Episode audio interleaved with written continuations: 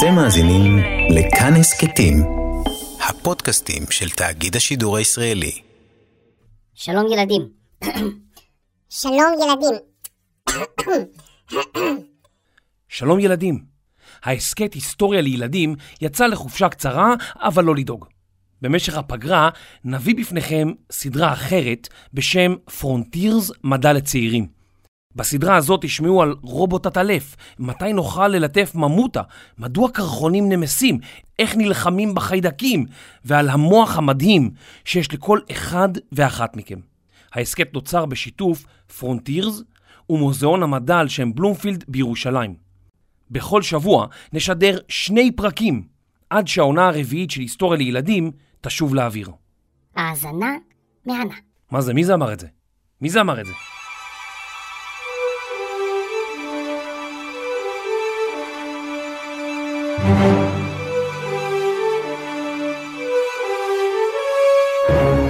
פרונטירס, מדע לצעירים, עם יובל מלכי. במשך שנים רבות שאבו עולמות המדע והטכנולוגיה רעיונות מבעלי חיים. בני האדם התבוננו בציפורים, ניסו להבין כיצד הן עפות באוויר ולחקות אותן. הם המציאו כלי תעופה שונים, עד שלפני קצת יותר ממאה שנה, האחים רייט בנו את המטוס הראשון. כולנו מכירים עטלפים, וחלקנו אפילו ראינו עטלפים מתישהו בחיינו. עטלפים הם חיית לילה, כלומר, חיה שישנה ביום וערה בלילה. בגלל מראם המפחיד, אנשים רבים פוחדים מעטלפים, אך למעשה, עטלפים אינם מזיקים כלל. אה, עטלף, אמא! קיימים יותר מ-1,300 מיני עטלפים על פני כדור הארץ. חוץ מכמאה מינים של עטלפי פירות, בעלי חוש ראייה טוב, לשאר מיני העטלפים יש ראייה פחות טובה. לכן, רוב סוגי העטלפים פיתחו חוש נוסף כדי להתנועע במרחב. אז איך הם יודעים לאן לעוף ואיך לא להיתקע בדברים? אני עף! אני עף! אני עף! אך, אתמול העמוד הזה לא היה פה. לעטלפים יש תכונה מיוחדת שנקראת באנגלית אקו-לוקיישן, או אקו-לוקציה. אקו זה הד, ולוקציה או לוקיישן זה מיקום. התכונה הזו מאפשרת שימוש בהד כדי להבין היכן הם נמצאים ואילו מכשולים קיימים סביבם, סביבם, סביבם, סביבם, סביבם, סביבם, סביבם. אז איך עובדת אקו-לוקציה או איכון הד? העטלף משמיע קולות ומאזין לחזרת ההדים שלהם. בכל פעם ההדים שחוזרים משתנים לפי מיקום העצמים השונים, וככה העטלף בונה לעצמו במוח תמונה של סביבתו. את היכולת הזאת חוקרים מנסים לחקות בעולם הרובוטיקה ולבנות רובוט שיפעל בעזרת אקולוקציה. אקולוקציה. תמיד רציתי לחקור חיות, גם כילד כבר, או בעצם קודם רציתי לרפא חיות, רציתי להיות וטרינר, וכשהגעתי לאוניברסיטה הלכתי ללמוד פיזיקה במקביל לביולוגיה, וחיפשתי משהו שישלב את שני התחומים, ומכיוון שהטלפים, כך גיליתי, משתמשים בסונאר, משתמשים בגלי קול בעצם כדי לראות, אז זה היה שילוב מושלם מבחינתי, גם בעלי חיים וגם פיזיקה. לאיש ששמעתם עכשיו קוראים פרופסור יוסי יובל, והוא חוקר עטלפים מאוניברסיטת תל אביב. הוא וצוות המחקר שלו החלו לחקור עטלפים בשנת 2013, בניסיון לגלות מה אנחנו יכולים ללמוד מהם, ואיך אנחנו יכולים להשתמש במידע הזה כדי לבנות רובוטים חכמים יותר. שאלנו את יוסי איך בדיוק הם חוקרים את העטלפים ומה הם מנסים להבין. במסגרת המחקר הזה אנחנו שמים GPSים על עטלפים, GPSים מאוד מאוד קטנים שהעטלף עצמו סוחב על הגב, אנחנו שמים מיקרופונים על העטלף עצמו, אנחנו עושים את זה בכל העולם, והמטרה היא פשוט להבין טוב יותר איך העטלפים עובדים, כן? למשל, הזכרתי שאנחנו רוצים לייצר קבוצה של רובוטים, אז בשביל זה אנחנו צריכים להבין קודם איך העטלפים עושים את זה. למשל, אחת הבעיות היא איך הרובוטים האלה לא משבשים אחד את השני, כן? איך הם לא חוסמים אחד את השני עם השידורים שלהם. אז בשביל לעשות, להבין טוב יותר את הדברים האלה, אנחנו חייבים קודם כל לחקור את העטלפים, וזה מה שאנחנו עושים. אגב, הבעיה שהזכרתי עכשיו מאוד רלוונטית לעוד אפליקציות, בעיית החסימה. איך יכולים המון עטלפים לעוף ביחד ולא ולא לשבש אחד את השני, זו בעיה שרלוונטית גם לרכבים אוטונומיים למשל, שנכנסים אה, יותר ויותר ומשתמשים במכ"מים וגם הם מפריעים אחד לשני. אבל רגע, לשים מכשירים על העטלפים? זה לא כואב להם? אז תראה, אה, יש היום ועדות אתיקה, היום הדברים מאוד מאוד אה, מוקפדים. יש ועדות אתיקה בכל האוניברסיטאות, אה, חייבים לקבל מהם אישור לכל אה, ניסוי, כל ניסוי בעצם שואלים למה אם לעשות את זה ככה ו- ולמה מספר עטלפים כזה ולא אחר. אה, מקפידים על חוקים מאוד, אה, מאוד ספציפיים, כמו למשל לא לשים על החיה יותר מ-X משקל, אה, צריך לקבל אישור מגוף הטבע הרלוונטיים, בישראל זה רשות שמורות הטבע, ובסופו של דבר הניסויים שלנו הם בסך הכל לשים את המכשיר, להצמיד את המכשיר לחיה, המכשיר נופל מהחיה בתוך שלושה ימים גג שבוע, והחיה חוזרת לחיים הרגילים שלה. באמת הסטודנטים שלי אחד אחד מגיעים מרקעים של אוהבי חיות, ומשם הם מגיעים למחקרים האלה. טוב, אז עכשיו אחרי שנרגענו, אפשר להמשיך. אקולוקציה, או בעברית איכון הד, מאפשרת ליצור רובוט אוטונומי שנע בעצמו. רובוט אוטונומי הוא רובוט עצמאי, המסוגל לנתח תנאי שטח ולהתגבר בעצמו על מכשולים ובעיות. למשל, אם הרובוט האוטונומי מזהה עץ מולו, הוא יכול לנתח מה נמצא סביב העץ, ואז להחליט אם הוא יעקוף את העץ מצד ימין, או מצד שמאל, או בדרך אחרת, כדי להמשיך בדרכו. בניגוד לאפליקציות ניווט, שבהן כבר מופו כבישים ודרכים, אקולוקציה מאפשרת לרובוט להתמקם בסביבה חדשה, שלא מופתה, ולהבטיח שהוא בכל זאת יוכל למצוא את דרכו, כמו למשל על המאדים. רובוט טלף הוא שילוב של רובוט ועטלף. באנגלית זה נשמע יותר טוב, רובט הוא שילוב של המילה רובוט, שמשמעותה באופן מפתיע רובוט, ובט, שמשמעותה עטלף, ובשילוב רובט. אולי היינו צריכים לקרוא לרובוט שלנו רולף, או עטבוט, או פשוט נישאר עם רובוט אלף וזהו. כדי לבנות רובוט אוטונומי ועצמאי שמשתמש באקולוקציה, כלומר מציאת מיקום בעזרת הדים חוזרים, נצטרך שני מיקרופונים שיהוו תחליף לאוזני העטלף, כדי שהרובוט יוכל לקלוט הדים שחוזרים מהסביבה. ובמקום מוח העטלף, נזדקק למחשב שיאבד את העדים, יאתר את מיקום העצמים שהחזירו את העדים, וישמור את המידע בזיכרון לאחסון מפה שתמשיך ותתעדכן. זיו ברונשטיין, מכיתה ו' בבית ספר רועי קליין בנתניה, הסבירה לי בדיוק איך זה עובד. הרובוט אלף הזה בעצם עובד אה, בעזרת האוזניים שהם בעצם המיקרופונים, והם שולחים קולות והם שומעים חזרה. למשל אם הם שומעים באוזן אחת, אז הם, הם, הם לפי האוזן שזה נשלח אליה, הם יודעים איפה נמצא העצם. ולמשל, אם הם קולטו את זה קודם באוזן ימין, אז הם ידעו שזה מצד ימין, אם הם קלטו את זה קודם באוזן שמאל, אז הם ידעו שזה מצד שמאל. אבל רגע, הטלפים עפים. האם הרובוט אלף גם עף? במקרה שלנו, הוא עדיין אינו עף. את התעופה נשאיר לשלב אחר. פרה פרה, או עטלף עטלף. בינתיים, הרובוט אלף נע על הקרקע באמצעות גלגלים. אז אילו קולות צריך הרובוט להשמיע? הרי הטלפים משתמשים בתדרים אלכוהוליים. תדר הוא הדרך שלנו למדוד כמה מחזורים מתבצעים ביחידת זמן מסוימת. ניקח לדוגמה קרוסלה, שמסתובבת בגינת משחקים. המחזור שלה הוא סיבוב שלם סביב עצמה. נניח שאני עומד ליד הקרוסלה, ועל המעקה שלה מצויר ציור של בלון. אני מסובב את הקרוסלה, וכל פעם שהבלון עובר לידי, זה אומר שהקרוסלה השלימה מחזור אחד. אם הבלון עובר לידי עשר פעמים בדקה אחת, זה אומר שתדירות הקרוסלה היא עשרה סיבובים לדקה.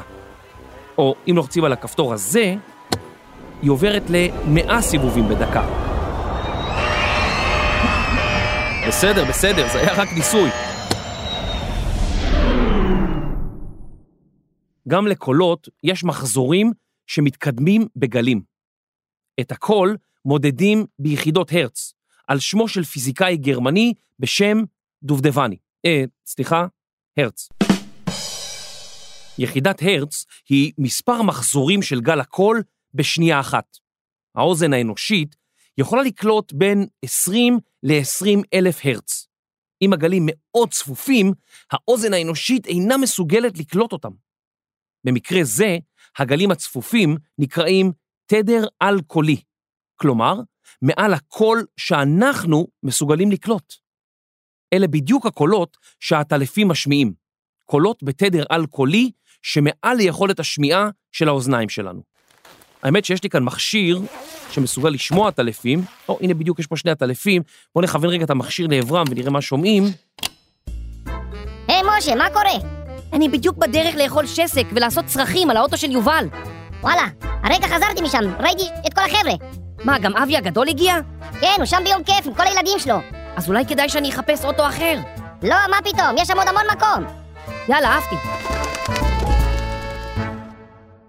השימוש באקולוקציה, איכון הד, זוהי היכולת למפות את השטח סביבך. בעזרת ההד החוזר, הרובוט מחשב מרחק מעצמים על פי הזמן החולף, מרגע שהוא משדר קול ועד שהוא קולט הד. ככל שהזמן הזה ארוך יותר, כך העצם מרוחק יותר. כדי לחשב מרחק במדויק, יש לדעת את מהירות תנועת הקול. אפשר לחשוב למשל על אופניים שמתקדמים במהירות של עשרה מטרים בשנייה אחת. אם האופניים ייסעו במשך שנייה אחת, ברור שהם יתקדמו עשרה מטרים. ואם האופניים ייסעו עד לקיר ובחזרה, וכל המסע הזה לקח שתי שניות, אז הקיר מרוחק עשרה מטרים, כי לקח שנייה להגיע אליו, לעבור עשרה מטרים עד לקיר, ועוד שנייה לחזור את עשרת המטרים האלה חזרה לנקודת המוצא. וזה בהנחה שלא הסתובבנו ונפלנו ונסרטנו ביד ויורד לנו דם מהמרפק והאופניים מתלכלכו.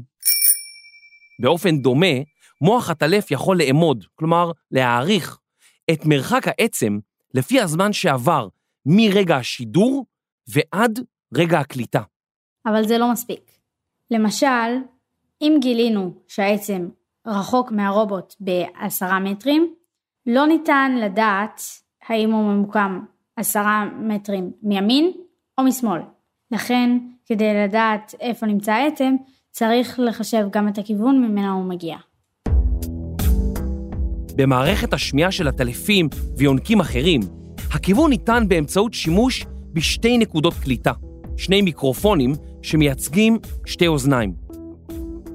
כאשר הד מוחזר מעצם, הוא בדרך כלל אינו מגיע לשתי האוזניים באותו הזמן.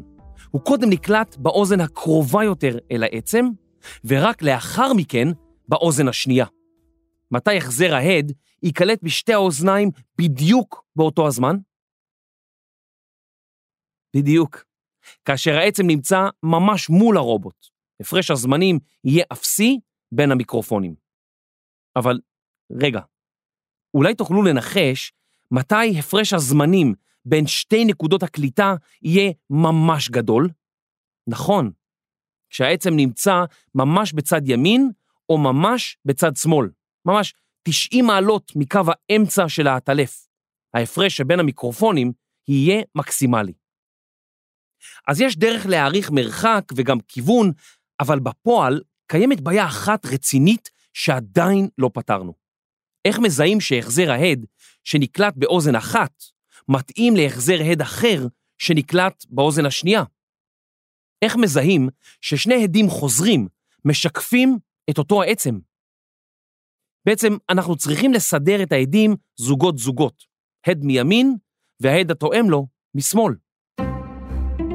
כל העדים להסתדר בזוגות. אתה שם, למה אין לך זוג? הוא רחוק? חכה שהוא יגיע. כל העדים, אמרתי להסתדר בזוגות, בזוגות.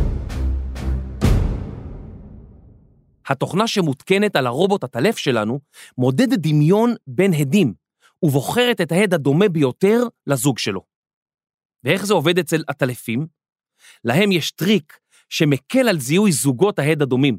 לאוזני הטלפים יש מבנה מרחבי מורכב, שגורם לגלי קול להתנגש זה בזה באוזן ולשבש אחד את האחר.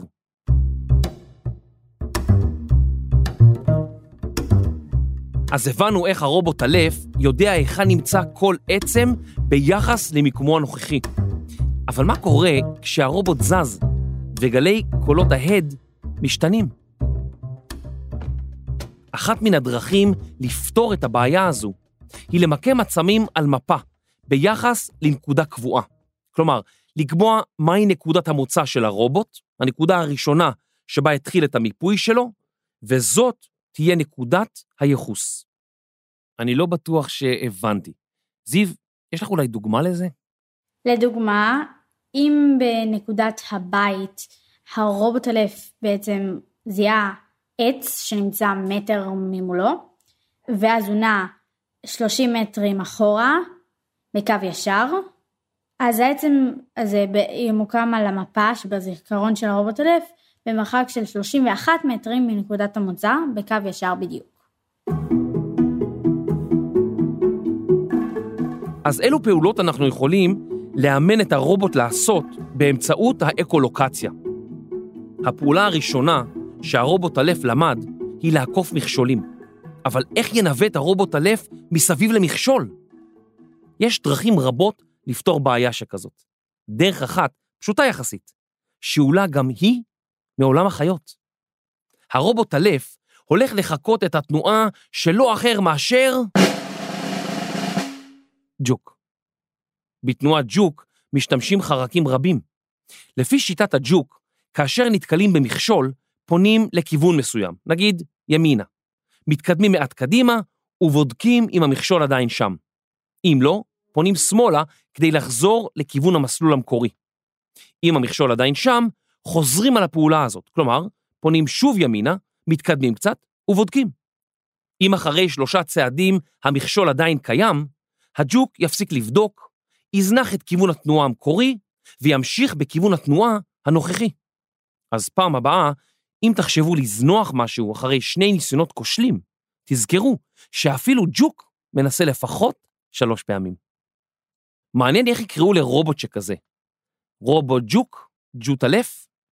ג'ולף? אתה ג'וק? מי ג'וק? לא, אני מספר על אה, שמות אפשריים לרובוט ג'וק. אבל אמרת, אתה ג'וק. לא, לא התכוונתי אליך, כאילו, עטלף, ג'וק, רובוט, זה... אבל רק שנינו כאן, אז למי התכוונת? לא, זה לא, זה, זה קיצור של עטלף וג'וק, אתה יודע, אבל, אבל לא נשתמש בזה, בסדר? במה? בקיצור, אתה ג'וק. הנה עוד פעם אמרת את זה. סליחה, סליחה, בוא, בוא פשוט נמשיך. עד עכשיו, יכולות הרובוט אלף כוללות מיקום עצמים בסביבה ויכולת מסוימת לנווט ביניהם. אבל מה עם זיהוי העצמים עצמם? אולי עצם מסוים הוא בכלל רק אלים, וניתן לנסוע דרכם.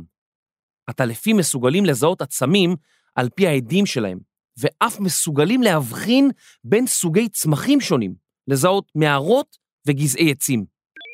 אתם מצפים ממני יותר מדי? איך אפשר ללמד רובוט להבדיל בין אבן לצמח לפי ההד שהם מחזירים? הרי יש סוגים רבים של אבנים בכל מיני גדלים וצורות, ויש גם צמחים רבים בדרגות צפיפות שונות ובגבהים שונים. איך אפשר להסביר לרובוטים שזאת אבן וזהו צמח? אחת הדרכים לבצע משימה שכזאת היא בעזרת רשת נוירונים מלאכותית. זאת למעשה רשת שמנסה לחקות את האופן שבו המוח שלנו לומד להבחין בין אבן לצמח. במוח שלנו יש תאי עצב שנקראים נוירונים. התאים האלה מחוברים זה לזה כמו ברשת. הנוירונים פועלים למעשה כמו מעבדים, כל אחד מהם מסוגל לבצע פעולה פשוטה, אך ביחד הם מסוגלים לבצע פעולות מאוד מאוד מורכבות. את רשת הנוירונים המלאכותית צריך לאמן, צריך להציג לה דוגמאות וללמד אותה. במקרה של אקולוקציה, מציגים הקלטות של עדים שנמדדו מצמחייה, לעומת הקלטות של עדים שנמדדו מאבנים. נכון לסוף שנת 2019, הרובוט אלף מצליח לזהות צמחים בכ-70% מהמקרים. זה יותר מניחוש מקרי שהסיכוי שלו הוא 50%, אבל גם רחוק מלהיות מיטבי. אוקיי, מצוין. אז הבנו איך עובד רובוט אלף. אבל למה הוא טוב? איך אני יכול להשתמש בו? הנה שוב פרופסור יוסי יובל. ויש לנו כבר כמה אה, דגמים, אני, אני צריך לומר שזה עבודה בשיתוף עם מכון וולקני, שהוא מכון חקלאי ישראלי, וביחד עם אה, פרופסור אביטל בכר, שהוא אה, ספציפית מומחה לרובוטיקה חקלאית, וביחד איתו יש לנו כמה אבות טיפוס שעושים כל מיני דברים בחקלאות, למשל יש לנו רובוט שהוא מין גרסה מופחתת של רובוט הלב שיודע אה, לזהות כמה פלפלים יש בחממות. אז המכשיר הזה בעצם נוסע בחממה עם פלפלים, ואומר לחקלאי, כרגע יש לך איקס פלפלים, כן? יש לך, לא יודע, 200 קילו פלפלים כרגע. אה, וזה מאוד חשוב לחקלאי, כי החקלאי רוצה להתכונן לקטיף, הוא רוצה לדעת כמה פועלים להביא, כמה משאיות להכין, כמה קירור הוא צריך, דברים שהיום הוא בעצם לא יודע להגיד. יש עוד כל מיני שימושים חקלאיים שאנחנו חושבים עליהם, למשל, גילוי מוקדם של מזיקים. אז הרובוט לא יודע ישירות אה, לזהות מזיקים, אבל מזיקים חקלאיים אה, פוגעים כמובן בצימוח, בקצב הצימוח, וזה משהו שאנחנו כן יודעים לזהות. למשל, לומר לחקלאי, תראה, באזור הזה של החלקה הזו, באזור הזה של השדה, יש פחות אה, פרי או פחות אה, צמח ממה שאתה מקווה שיהיה בעצם, או ממה שיש במקומות אחרים. אז זה הכל כיוונים אה, עתידיים שאנחנו חושבים עליהם. כמובן שעוד דבר שאנחנו אה, אה, מאוד מנסים אה, לקדם, וכרגע זה ברמה מחקרית, זה שכמה רובוטים יעבדו ביחד בעצם, כשהם מקשיבים אחד לשני ועובדים ביחד בקבוצה. אוקיי, אבל משהו פה נשמע לי קצת מוזר. האם יכול להיות שלרובוט אלף לא היו שום תקלות? הייתה לו בעיה, כי כשהוא שולח הד למשל לקיר, אז הוא מקבל הד די ברור ויציב. אבל אם הוא שולח את זה לגדר, בגלל שיש בה חורים, אז קשה לו יותר להבין את ההד שחוזר. הוא היה נתקע בהם, והרבה פעמים הוא היה מתקלקל והיה צריך לתקן אותו. תודה, זיו. טכנולוגיה מתפתחת במהירות. לפעמים נדמה לנו שייקח עשרות שנים עד שנראה משהו עובד, אך ההתקדמות של מיזמים רבים, בעיקר טכנולוגיים, היא לא ליניארית, קווית, היא אקספוננציאלית. היא מתקדמת ומתקדמת עד שהיא מזנקת כלפי מעלה. בתחילת שנות ה-90 של המאה ה-20 נערכו ניסויים ראשונים ברכבים אוטונומיים שהצליחו לעקוף מכשול יחיד במהירות כמעט אפסית. כיום קיימים רכבים אוטונומיים שיודעים להגיע ממקום למקום ואין להם אפילו הגה. לפני 30 שנה זה היה נראה מדע בדיוני או נס טכנולוגי, ועכשיו זאת המציאות שלנו. ועכשיו, פינת הקפי קפי קפי קפי קפיצה לעתיד.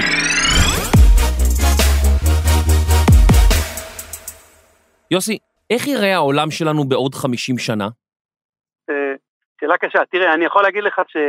שהמוח, פרונטיר זה בעיקר, אנחנו מדברים על מוח, אני חושב שאנחנו נהיה עדיין רחוקים מאוד מאוד מלהבין את המוח, אני חושב שגם בעוד מאה שנה אנחנו לא, לא נהיה קרובים, אבל אה, יהיו לנו טכנולוגיות הרבה יותר מתקדמות, אם היום אנחנו יודעים להסתכל על אה, עשרות נוירונים, עשרות תאי הצו, אז נוכל להסתכל על אה, מיליונים של תאי הצו, יהיו לנו כלים חישוביים הרבה יותר חזקים שיאפשרו לנו לעשות אה, אה, מודלים טובים יותר וסימולציות טובות יותר, ואז יש הרבה אופטימיות מבחינת היכולות, ופסימיות אה, מבחינת ההבנה, אני חושב שאנחנו נידרש לעוד אה, מאות שנים כדי להבין באמת את, ה, את המוח. ורובוט הטלף לא יוכל ללכת לחנות להביא לי פיצה ולחזור?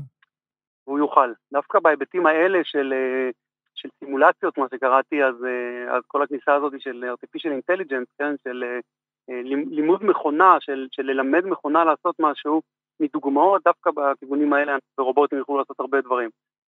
ומה זיו שלנו חושבת לגבי העתיד? אני מקווה שיהיו גם כל מיני מכונות מעופפות במקום אה, סתם מכוניות ורכבות ואוטובוסים. אני חושבת שגם יהיו עוזרים אישיים ושבעצם יעזרו לך ויקחו לך את הדברים ויסדרו אחריך, אבל הם פשוט לא יהיו אנשים יותר, יהיו רובוטים ממש. אז הרובוט אלף בראשית דרכו. אבל מי יודע, אולי בעוד עשר או עשרים שנה לכל אחד מאיתנו יהיה רובוט אלף משלו. אם אשכח את השיעורים בבית, הרובוט אלף יביא לי אותם. או אולי יהיו קרבות של רובוט אלפים, אחד נגד האחר, באולמות מיוחדים. אולי הרובוט אלף יוכל להיות שליח של פיצה. אתם יודעים מה? בואו ננסה. הנה רובי, הרובוט אלף שלי. אה, רובי, רובוט אלף, לך תביא לי פיצה. אוי, הוא עף מהחלון. לאן הוא הלך? רובי? רובי? מה זה? או, הנה הוא חוזר ויש לו משהו בפה. ידעתי שהוא חכם. מה זה? הבאת לי פלאפל? אבל- אני אמרתי פיצה. רובי, פיצה, רובי, פיצה. אוף, אני צריך עוד לאמן את הרובוטלף הזה. יש לכם רעיון טוב יותר איך אפשר להשתמש ברובוטלף? אנחנו ממש רוצים לשמוע מכם. הצטרפו לקבוצת הטלגרם שלנו. רשמו בעברית פרונטירס מדע לצעירים ושתפו אותנו. בין המשתתפים יוגרלו פרסים, אז קדימה, לעבודה. פרונטירס הינו כתב עת מדעי דיגיטלי חינמי לילדים ובני נוער. המאמרים נכתבים על ידי טובי המדענים בארץ ובעולם ונסקרים על ידי צעירים. כתב העת יוצא לאור בישראל על ידי מוזיאון המדע על שם בלומפילד בירושלים, בניהולו המדעי של פרופסור עידן שגב מהאוניברסיטה העברית. תודה לכותב המחקר, פרופסור יוסי יובל מאוניברסיטת תל אביב. תודה לזיו ברונשטיין, שהתארחה אצלנו וסקרה את המאמר. עריכה לשידור, דוקטור ענבל לנצברג. עריכת לשון, דינה בר מנחם.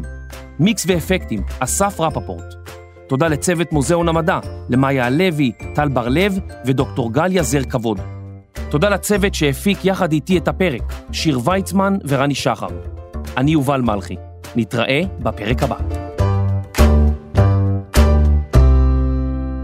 ילדים והורים יקרים, אם אתם אוהבים את ההסכת היסטוריה לילדים, נשמח שתדרגו אותנו בכל אפליקציות הפודקאסטים. זה מאוד יעזור לנו. אם אתם רוצים לדבר איתנו, היכנסו לקבוצת הטלגרם היסטוריה לילדים, רשמו לנו מה חשבתם והציעו לנו רעיונות לפרקים חדשים. תודה רבה.